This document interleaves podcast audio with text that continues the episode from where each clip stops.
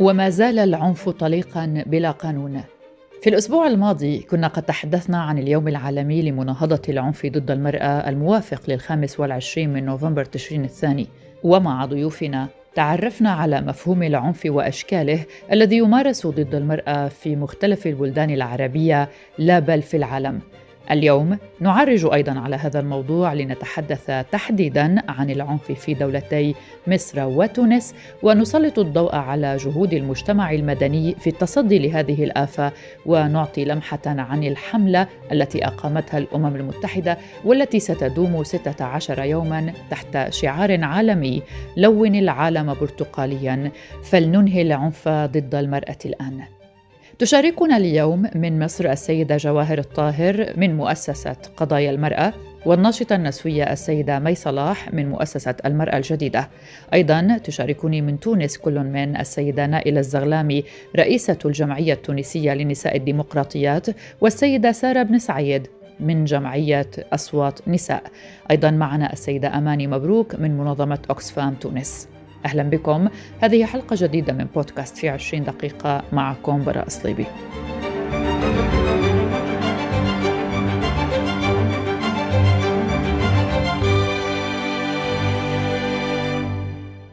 كما كان الحال في السنوات السابقة يدشن اليوم الدولي للقضاء على العنف ضد المرأة لهذا العام الستة عشر يوما من النشاط والذي سوف يختتم أعماله في العاشر من ديسمبر كانون الأول وهو اليوم الذي تحيا فيه ذكرى اليوم العالمي لحقوق الإنسان. وعلى ذلك تنسق فعاليات عامة عدة وتغمر المباني والمعالم الشهيرة باللون البرتقالي للتذكير بالحاجة إلى مستقبل خال من العنف كما ذكرت الأمم المتحدة. اللون البرتقالي هو اللون الذي اختارته منظمة الأمم المتحدة لتمثيل مستقبل أكثر إشراقا وخال من العنف ضد النساء والفتيات وتدعو كافة أطياف المجتمع الدولي أن يكونوا جزءا من الحركة البرتقالية وتهدف هذه الحملة وتدعو إلى اتخاذ إجراءات عالمية لإذكاء الوعي وتعزيز الدعوة إلى ذلك الهدف ولإتاحة فرص لمناقشة التحديات والحلول. نبدأ الآن من تونس. ارتفعت سنة 2020 نسبة العنف المسلط على النساء المتزوجات إلى حدود 80% وقدرت هذه النسبة ب 36% في صفوف هذه الفئة المتراوحة أعمارهم بين 30 و 39 سنة وفق التقرير السنوي الثالث حول مناهضة العنف ضد المرأة المخصص لمتابعة مدى تطبيق مقتضيات القانون الأساسي عدد 58 لسنة 2017 المتعلق بالقضاء على العنف ضد المرأة. بعد مرور ثلاث سنوات من دخول حيز النفاذ في فبراير شباط 2018 وبينت وزارة المرأة أن التقرير الذي أصدرته بين أن 90% من المكالمات الواردة على الخط الأخضر من قبل نساء ضحايا العنف اللفظي و84% تعرضن للعنف المعنوي. فيما كانت نسبة 74% منهن ضحية العنف المادي و36% منهن ضحية العنف الاقتصادي. وتعرضت حوالي 18% منهن للعنف الجنسي. ولفتت إلى أن الوحدة المركزية المختصة بالبحث في جرائم العنف ضد المرأة ومصلحة وقاية الأحداث التابعة للإدارة الفرعية للوقاية الاجتماعية بمعية إدارة الشرطة العدلية والفرقة المختصة بالبحث في جرائم العنف ضد المرأة والطفل المحدثة بكافة مناطق الأمن الوطني تعهدت ب 41668 قضية عنف بأشكاله المختلفة مادي، معنوي، جنسي، اقتصادي وسياسي، ومنها 6842 قضية شملت أطفال أي بنسبة 42.16% من المجموع العام. ضيفتي السيدة نائلة الزغلامي رئيسة الجمعية التونسية للنساء الديمقراطيات سألتها ما هي أبرز أشكال العنف الذي تتعرض له المرأة التونسية؟ آه، بالنسبة للعنف المسلط على المرأة في تونس خاصة العنف الذي غير مرئي فيه أنواع متعددة منه العنف الاقتصادي ومنه العنف الرمزي ومنه العنف المعنوي هذا العنف يمكن أن يكون في البيت كما يمكن أن يكون في مواقع العمل عبر معناه العديد من الحركات أو التحرش الجنسي. هناك أيضا العنف الاقتصادي. هذا العنف غير مرئي لأنه أحيانا يحرم الزوج زوجته من بعض المصاريف وهذه المصاريف الخاصة بها بالنسبة لنا تعتبر عنف لأنها هي آه، لا تشتغل خاصة إذا كانت تشكو هشاشة اقتصادية وليس لها عمل. بالنسبة للحلول حلول العنف نعرفوا اللي تكلفته باهظة نعرفوا اللي عندنا في تونس قانون 58 ل 2017 وهو القانون الشامل الذي يناهض العنف وينص على التعهد على الحماية على الوقاية على المحاسبة والعقاب على إبعاد الزوج آه، إذا كان آه، يهدد حياة الزوجة. تصل إلى حدود ستة أشهر تصل إلى حدود 60 كيلومتر آه، يعني بعد عن المنزل التي تقطن به به هناك العديد من الإجراءات الحمائيه للزوجة وهناك أيضا حلول يجب أن تقوم بها الدولة بتوفير مراكز إيواء للنساء ضحايا العنف بتوفير مراكز إيواء للأطفال ضحايا أيضا العنف الأسري بتوفير يعني ما يمكن إنه يساعد المرأة على التمكين الاقتصادي ويجعلها يعني غير تابعة للرجل في مسألة المصاريف وفي مسألة الاقتصادية. دولة أيضا عليها الاشتغال على الثقافة على التعليم آه، حتى مع وزارة الشؤون الدينية بهدف التحسيس ضد مخاطر العنف وضد المخاطر لأن نعتبرهم النساء اللي ينجوا من العنف وما يتقتلوش نعتبرهم هم نساء ناجيات من الموت. ولوج النساء للعدالة. هي الدراسة التي قامت بها الجمعية التونسية للنساء الديمقراطيات بمناسبة الستة عشر يوما لمناهضة العنف ضد المرأة. تشرحها لنا السيدة نائلة الزغلامي. إحنا كجمعية هذه السنة سنة 2021 ارتأينا في 16 يوم لمناهضة العنف المسلط على النساء. أنه نقدموا دراسة وهي ولوج النساء للعدالة آه، من خلال بعض الأحكام لقانون 58 2017 قدمناها بجهة صفاقس قدمناها بجهة آه، سوسة بجهة القروان وستختم يوم 3 ديسمبر في تونس لتقديم هذه الدراسة. ثم قمنا أيضا بحملة digitale يعني حملة على مواقع التواصل الاجتماعي خاصة على مسألة ال féminicide. مسألة ال féminicide أي تقتيل النساء أو تطهير النساء أو التطهير العرقي للنساء هذه الظاهرة التي أصبحت في تونس يعني أصبحت ظاهرة للعيان وأصبحت ظاهرة ولم تعد حالات معزولة. لذلك أرتأينا هذه السنة أنه نقاوموها نذكر 16 16 اسما لامرأة قتلت من آه، على يد زوجها نتيجة عنف زوجي. ثم ستختم هذه الحملة بيوم عشرة. سنقوم بمسيرة آه، تنطلق من شارع الحبيب بورقيبة إلى ساحة حقوق الإنسان بداية من الساعة الواحدة بعد الزوال من أجل دق ناقوس الخطر حول مسألة تقتيل النساء وحول مسألة إلى أين يمكن أن يؤدي العنف بالنساء التي يتعرضن لهذا العنف خاصة العنف الجسدي واستعمال القوة على المرأة. وهذا العنف هذوما هذه هذه السنة ارتأينا ماناش باش نحكيو على الناجيات. لم نرتئي أن نتحدث على الناجيات ولكن ارتأينا أن نتحدث على النساء التي فقدن حياتهن نتيجة احترام لنواميس المجتمع أو تحت ضغط العائلة. لابد أن تواصلي مع هذا الزوج لأنه لابد أن تصبري لابد أن هذا الصبر سيكون لصالح الأطفال. بينما نحن نعلم جيدا أن العنف ليس لصالح الأطفال ولن يكون وأن الجو المشحون بالعنف بكل أنواعه نجم يخلف إلا أضرار نفسية واجتماعية وعلى العائلة وعلى المجتمع. معنا أيضا السيدة سارة بن سعيد المديرة التنفيذية لجمعية أصوات نساء تشرح لنا أكثر عن جمعيتها. اخترنا باش نخدموا مع شركائنا من جمعيات نسوية في سيدي بوزيد شندوبه والقروان على العنف الاقتصادي اللي تعرضوا له النساء العاملات في القطاع الفلاحي بصفة عامة. العنف هذا يتمثل في نقلهم المكان العمل في ظروف لا تحترم كرامة الإنسان في شاحنات الموت. وكذلك عدم المساواة في الأجر.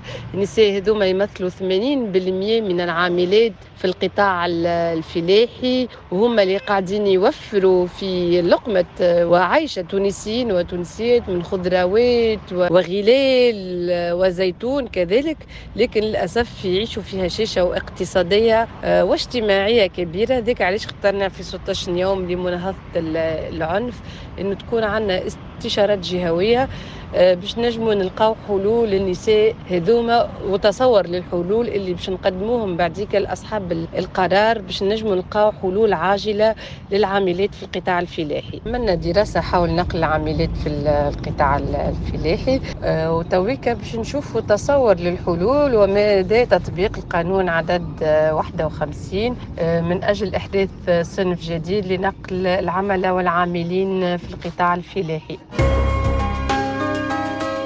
في عشرين دقيقة مع براء صليبي منظمة أوكسفام تونس قامت بدراسة تفضي إلى أن المرأة التونسية تقضي ثماني ساعات يوميا في أعمال دون أجر مقابل 45 دقيقة للرجل في اليوم الواحد. ولفتت الدراسة إلى أن المرأة في تونس تقضي يوميا 12 ساعة للعمل مقابل 6 ساعات للرجل كما تمضي المرأة وقتها في أعمال الرعاية غير مدفوعة الأجر أكثر بثماني مرات من الرجل. وفق نتائج الدراسة التي جاءت بالشراكة مع جمعية النساء التونسيات للبحث حول التنمية. التنمية السيدة أماني مبروك المكلفة بالإعلام من منظمة أوكسفام تونس تحكي لنا أكثر حول هذه الدراسة. في إطار برنامج العدالة الاقتصادية لأوكسفام في تونس اللي يهدف إلى تعزيز تمكين النساء وإلى التمكين الاقتصادي آه، أوكسفام خدمت دراسة بدأت في 2019 على أعمال الرعاية غير مدفوعة الأجر. وتعيق النساء من جهة الوصول لفرص اقتصادية وتعزز تأنيث الفقر من جهة أخرى. تم نشر البحث هذايا في إطار فعالية 16 يوم ضد العنف القائم على أساس النوع الاجتماعي. آه، أوكسفام أطلقت حملة آه، خدمة ببلاش علاش. آه، يوم 25 نوفمبر تتواصل إلى غاية 10 ديسمبر. تهدف الحملة إلى آه، توعية الجمهور الكبير والشباب خاصة بأهمية أعمال الرعاية غير مدفوعة الأجر وأثرها على الاقتصاد وعلى النساء. آه، أعمال الرعاية هي الأعمال المنزلية اللي تقوم بها النساء يوميا من طبخ تنظيف آه، عناية بالأطفال عناية بالأشخاص ذوي الحاجة إلى إلى ذلك. واللي أثبتت الدراسة اللي النساء تعدي فيها آه، من 8 إلى 12 ساعة يوميا مقابل 45 دقيقة فقط للرجال مع فوارق آه، من الريف إلى المدينة. يعني في الوسط الريفي مثلا النساء تعدي أكثر بساعة في أعمال الرعاية غير مدفوعة الأجر وهذاك لجلب الماء مثلا أو الحطب للطبخ وغيره. الأعمال هذه تمثل عبء كبير وعائق أمام النساء في الوصول إلى فرص اقتصادية هامة وفي حتى آه، صحتهم وشعورهم بالرفاه والسلامة النفسية. يقع ثقل أعمال هذه على كاهل النساء في معظم الأوقات آه، حسب الدراسة الميدانية اللي قامت بها أكسفام لعدة أسباب. أولا المعايير الاجتماعية القائمة على المنظومة الأبوية واللي تتمثل في تأنيث الأعمال هذه وربطها ارتباط تام بالنساء. ثانيا نحكيو على نقص استثمار الدولة في قطاع الخدمات. مثال في رياض الأطفال في مراكز رعاية محترمة لمحدودي الحركة أو في البنية التحتية بصفة عامة اللي تسهل وصول الخدمات للنساء كما الماء والكهرباء والنقل إلخ رغم قيمتها الكبيرة ورغم اللي الأعمال هذه تقوم عليها الأسر والمجتمعات إلا أنها اليوم غير معترف بها. في إطار برنامج العدالة الاقتصادية لأوكسفام في تونس اللي يهدف إلى تعزيز تمكين النساء وإلى التمكين الاقتصادي أوكسفام خدمت دراسة بدأت في 2019 على أعمال الرعاية غير مدفوعة الأجر. استنادا على بيانات ونتائج الدراسة أوكسفام توصي بالاعتراف بأعمال الرعاية تقليل العبء اللي تشكله عن النساء وإعادة توزيع المسؤوليات بطريقة أكثر إنصافا وعدالة من جهة بين العائلة بين الرجال والنساء والصغار من جهة أخرى بين الأسر والدولة. يعني الدولة عندها مسؤولية لازم تتحملها لازم تستثمر أكثر في قطاع الخدمات. وأخيرا ضمان تمثيل الأشخاص القائمين بأنشطة الرعاية في صنع القرار وفي المناصب القيادية باش ناخذوا بعين الاعتبار العبء متاع النساء في الأعمال هذه. وإلى مصر. ففي مصر تتوالى الحقائق الكاشفة عن ارتفاع معدلات العنف ضد النساء والأطفال داخل الأسرة المصرية. وتتوالى مشروعات القوانين المعنية بتجريم ممارسات العنف إن العنف ذاته ما زال طليقا. وقد أشارت دراسة للمجلس القومي للمرأة العنف ضد النساء في مصر أن 28% من النساء يتعرضن للعنف الجسدي على أيدي أزواجهن وأقر أن ما يقرب من أربعة من كل خمسة رجال وجهوا شكلا من أشكال العنف النفسي إلى زوجاتهم. بينما أفادت ما يقرب من نصف الشابات بأنهن تعرضن للعنف الجسدي على أيدي أشقائهم الذكور كما وجدت نسبة مماثلة أفادت بالتعرض للعنف الجسدي من قبل الأب. السيدة جواهر الطاهر من مؤسسة قضايا المرأة تطبيع مع العنف الجسدي للمرأة العربية خصوصا المرأة المصرية تشرح لنا ذلك. أشكال العنف اللي بتعرض لها النساء آه، أشكال كثيرة جدا. من أهمها هو العنف الاقتصادي والعنف الاجتماعي والعنف الجنسي والعنف النفسي والعنف القانوني والعنف الجسدي. ويمكن المجتمع بشكل عام بيتقبل العنف الجسدي جدا خاصة لو النساء تعرضنا للعنف ده عن طريق الشريك. ولو بصينا على الإحصائيات أو الدراسات هنلاقي في دراسة أصدرتها منظمة الصحة العالمية بتأكد على إن 30% من النساء على مستوى العالم بيتعرضوا للعنف الجسدي من الشريك سواء الزوج أو الخطيب أو الحبيب. فهنلاقي إن العنف الجسدي بشكل كبير جدا موجود على مستوى العالم بشكل كبير سواء بقى في الدول الأوروبية أو الدول العربية. وهنلاقي إن المجتمع بيتقبله بشكل كبير جدا وكتير حتى هنلاقي في مجتمعاتنا إن الأهل بالذات ممكن يجبروا الست إنها تكمل حياتها مع زوجها اللي بيعنفها واللي بيأثر على صحتها النفسية والجسدية. فبنلاقيهم كتير جدا بيقولوا لها اصبري عشان خاطر أولادك أو علشان خاطر ما تخربيش بيتك. فالمجتمع بشكل أو بآخر بيتقبل العنف الممارس ضد النساء. طبعا المرأة المصرية أو المرأة العربية بشكل عام آه، بتتعرض لأشكال كتيرة جدا من العنف ولو فكرنا إزاي نقضي على العنف ده أعتقد إن كلمة نقضي على العنف دي مش كلمة سهلة التنفيذ. إحنا يمكن عندنا إشكاليات كبيرة جدا في حاجات كتيرة جدا في المجتمعات العربية والإسلامية منها ضرب الزوجات. وأهمها أعتقد ضرب الزوجات. لو إحنا جينا فكرنا في إزاي إن إحنا نقضي أو نحد من العنف ضد المرأة هنلاقي إن من المهم جدا إن إحنا نشتغل على كذا مستوى. المستوى الأول من وجهة نظري هي وضع تشريعات وقوانين مناهضة للعنف ضد المرأة خاصة العنف الأسري. وكمان مش هينفع إن إحنا نعمل قانون وما يبقاش فيه وعي مجتمعي بالأضرار النفسية والجسدية اللي بتتعرض ليها النساء. ومن ناحية تانية لازم يبقى في ممارسات مختلفة للمجتمع. لازم ثقافة المجتمع تتغير. لازم ثقافة رجال الدين. يعني إحنا كتير من المجتمعات العربية والإسلامية بيسمعوا لرجال الدين والتفسيرات الدينية المغلوطة. فأعتقد أن من المهم كمان يبقى فئات المجتمع عليها واجب أنها تحاول تغير الخطاب اللي بيلقوه على المجتمع بإن الست ممكن تتضرب عادي وجوزها يأدبها أو إنها لازم تستحمل أو إن ده حاجة طبيعية والمفروض إن هي تكون مستسلمة وساكتة. أعتقد إن المؤسسات اللي بتشتغل على مناهضة العنف ضد المرأة بشكل عام والمؤسسات النسوية في الدول العربية أعتقد إنها عاملة شغل كبير جدا في الحد من العنف ضد المرأة وفي مشروعات قوانين خاصة بمناهضة العنف ضد المرأة. فأعتقد إن دلوقتي يجي دور الدولة بإنها تبص على مقترحات القوانين دي وتتناقش مع المجتمع المدني وتشوف إزاي إن إحنا نشتغل على سن تشريعات بتناهض بشكل كبير جدا وبشكل تام العنف الممارس ضد النساء خاصة في الأسرة. السيدة جواهر تحكي لنا عن حملة العنف الثقافي. لنستمع إليها.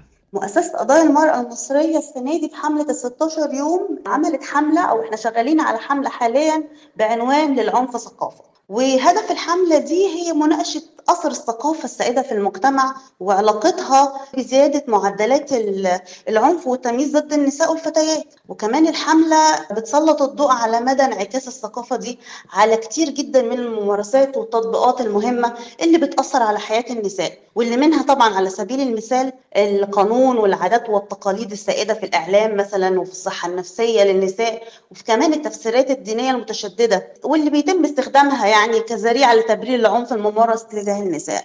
تنفذ المادة 60 من قانون العقوبات مرتكبي العنف ضد النساء وتمدهم بحصانة من العقوبة في حالات العنف الأسري حين يمنح الجاني الرأفة إذا أثبت أن ما ارتكبه كان بنية سليمة. فلا يحتوي القانون المصري على نص يجرم العنف الأسري وعليه يمكن استخدام هذه المادة لتبرير العنف الأسري على أنه حق الزوج في تأديب زوجته ولتبرير أيضا جرائم الشرف. علاوة على ذلك فإن الاغتصاب الزوجي غير معترف به في قانون العقوبات. وعلى صعيد آخر ورغم غياب مصطلح جرائم الشرف من التشريعات المصرية إلى أن قتل النساء على خلفية الشرف يلقى تعاطفا من المحاكم ويشهد تخفيفا للحكم على جريمة هي في واقع الأمر جريمة قتل عمد. حيث يتيح قانون العقوبات للقاضي النزول بالعقوبة درجتين إذا رأى أن ملابسات الجريمة تستدعي ذلك وتستند المحاكم إلى المادة ذاتها لإصدار عقوبات مخففة أحيانا في جرائم الاغتصاب والعنف الجنسي. السيدة مي صلاح من مؤسسة المرأة الجديدة وهي ناشطة نسوية توضح لنا أكثر أشكال العنف الذي تواجهه المرأة المصرية. أكتر أشكال العنف اللي بتواجه المرأة المصرية؟ ما نقدرش نقول إن في حاجة أكتر من التانية في الحقيقة لأنه سواء العنف في مجال العمل العنف في الشارع العنف الأسري يعني يعتبروا كلهم موجودين بنسب متقاربة. ولكن اللي نقدر نقول عليه يبدو الأخطر إلى حد ما هو العنف الأسري لأنه هو عنف مسكوت عنه عنف مقبول مجتمعيا وبيتم تبريره بأشكال كتيرة جدا جدا. مع الأسف لا يوجد قانون للحماية من العنف الأسري دي مسألة.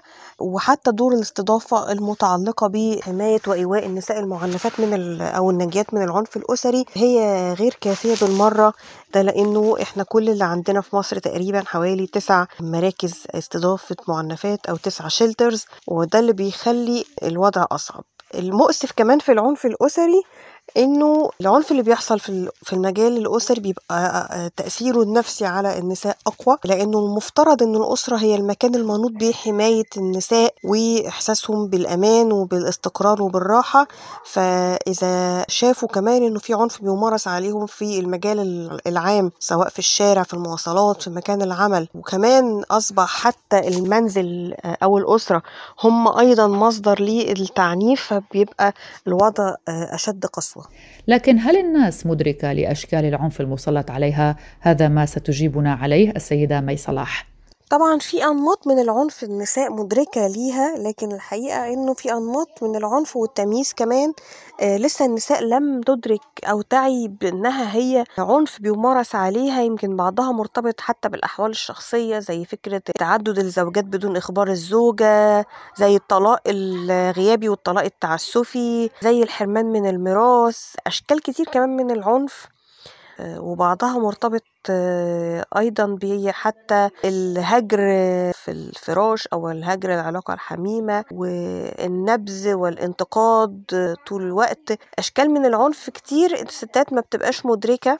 لحجمها. يمكن حتى زيادة الأعباء الأسرية وتقسيم الغير العادل للأدوار كلها أشكال من العنف النساء لسه مش مدركة ليها. ولكن محتاجين طبعا إنه يبقى فيه شغل أكتر على المسألة دي. اللي بيساعد إن إحنا نأسس لده ونقويه هو طبعا التوعية بالحقوق والتوعية بأشكال الانتهاكات اللي بتتعرض ليها النساء. الإرادة السياسية في تعريف بأشكال العنف المختلفة سواء إعلاميا فنيا اجتماعيا وإبراز ده بشكل كبير. كمان تطبيق القوانين بشكل عادل وحازم. ده بيشجع أكتر على إنه النساء تبقى بتاخد مواقف إيجابية. أهم حاجة طبعا في المسألة دي هي دعم الأهل. كل ما يكونوا الأهل داعمين سواء في عنف تعرضت ليه النساء في العمل أو في الشارع الشارع أو في وسائل المواصلات أو في غيره كل ما ده بيشجعهم على إنهم يكونوا أكثر إيجابية. كل ما كمان المجتمع توقف عن لوم الضحية وتبرير للجاني كل ما ده شجع أكتر النساء إنها تطالب بحقها. حملة سياسات وإجراءات الحماية بمناسبة الستة عشر يوما ستحكي لنا عنها أيضا السيدة مي صلاح. هيكون عندنا سلسلة من اللقاءات أيضا بالإضافة للحملة الإلكترونية لكن هيكون عندنا سلسلة لقاءات منهم لقاء وطني حوالين سياسات الحماية ومنهم هيكون في ويبينار إقليمي كمان بشهر 12 هيكون حوالين مناقشة توقيع وتصديق مصر على اتفاقية 190 الخاصة بمنظمة العمل الدولية والاتفاقية اللي بتتكلم تحديدا عن العنف في مجال العمل أو في عالم العمل وتصديق مصر على الاتفاقية دي الحقيقة هيكون له مردود كبير جدا جدا في الحد من أشكال العنف داخل العمل وتحسين أوضاع النساء في سوق العمل وبالتالي بنحاول نقوم بحراك وطني إقليمي للضغط على حكومات الدول العربية للتصديق على الاتفاقية. كمان الحقيقة كل ما كانت الإجراءات فيها تفهم لطبيعة العنف الواقع على النساء من حيث المنظومة الشرطية المسؤولة من حيث البحث الجنائي من حيث التقاضي وإجراءات التقاضي الطب الشرعي التقارير استقبال الحالات والإحالات اللي بتحصل دعم النفسي والدعم القانوني والاستشارات. كل ما كانت كمان الإجراءات فيها تحركات أسرع فيها دعم حقيقي فيها توجه ناحية دعم النساء كل ما ده بيشجع أكتر النساء على التبليغ. ولأن دي منظومة متكاملة من الأدوات فعشان كده إحنا كمان قررنا إن تكون حملتنا السنة دي لحملة 16 يوم ضد العنف حوالين سياسات وإجراءات الحماية. دي الحملة اللي بتنظمها مؤسسة المرأة الجديدة في مصر. بنحاول من خلال الحملة نلقي الضوء حوالين السياسات والأدوات اللي بتساعد وبتضمن وبتعزز مفاهيم الحماية عند النساء بدءا من فكرة المفهوم المفهوم ومفهوم المواطنة وحقوق الإنسان وحقوق الآخر للإجراءات والسياسات المتعلقة بالتعديلات التشريعية متعلقة بالتقاضي الاستراتيجي المتعلقة بالتبليغ واستقبال الحالات الناجيات من العنف بالتقديم الخدمات من منظور حقوقي سواء خدمات نفسية أو طبية أو قانونية للمعنفات لخدمات الاستقبال واستضافة المعنفات أيضا الإجراءات المتعلقة بالبحث الجنائي وإثبات أدلة الاتهام وخلافه.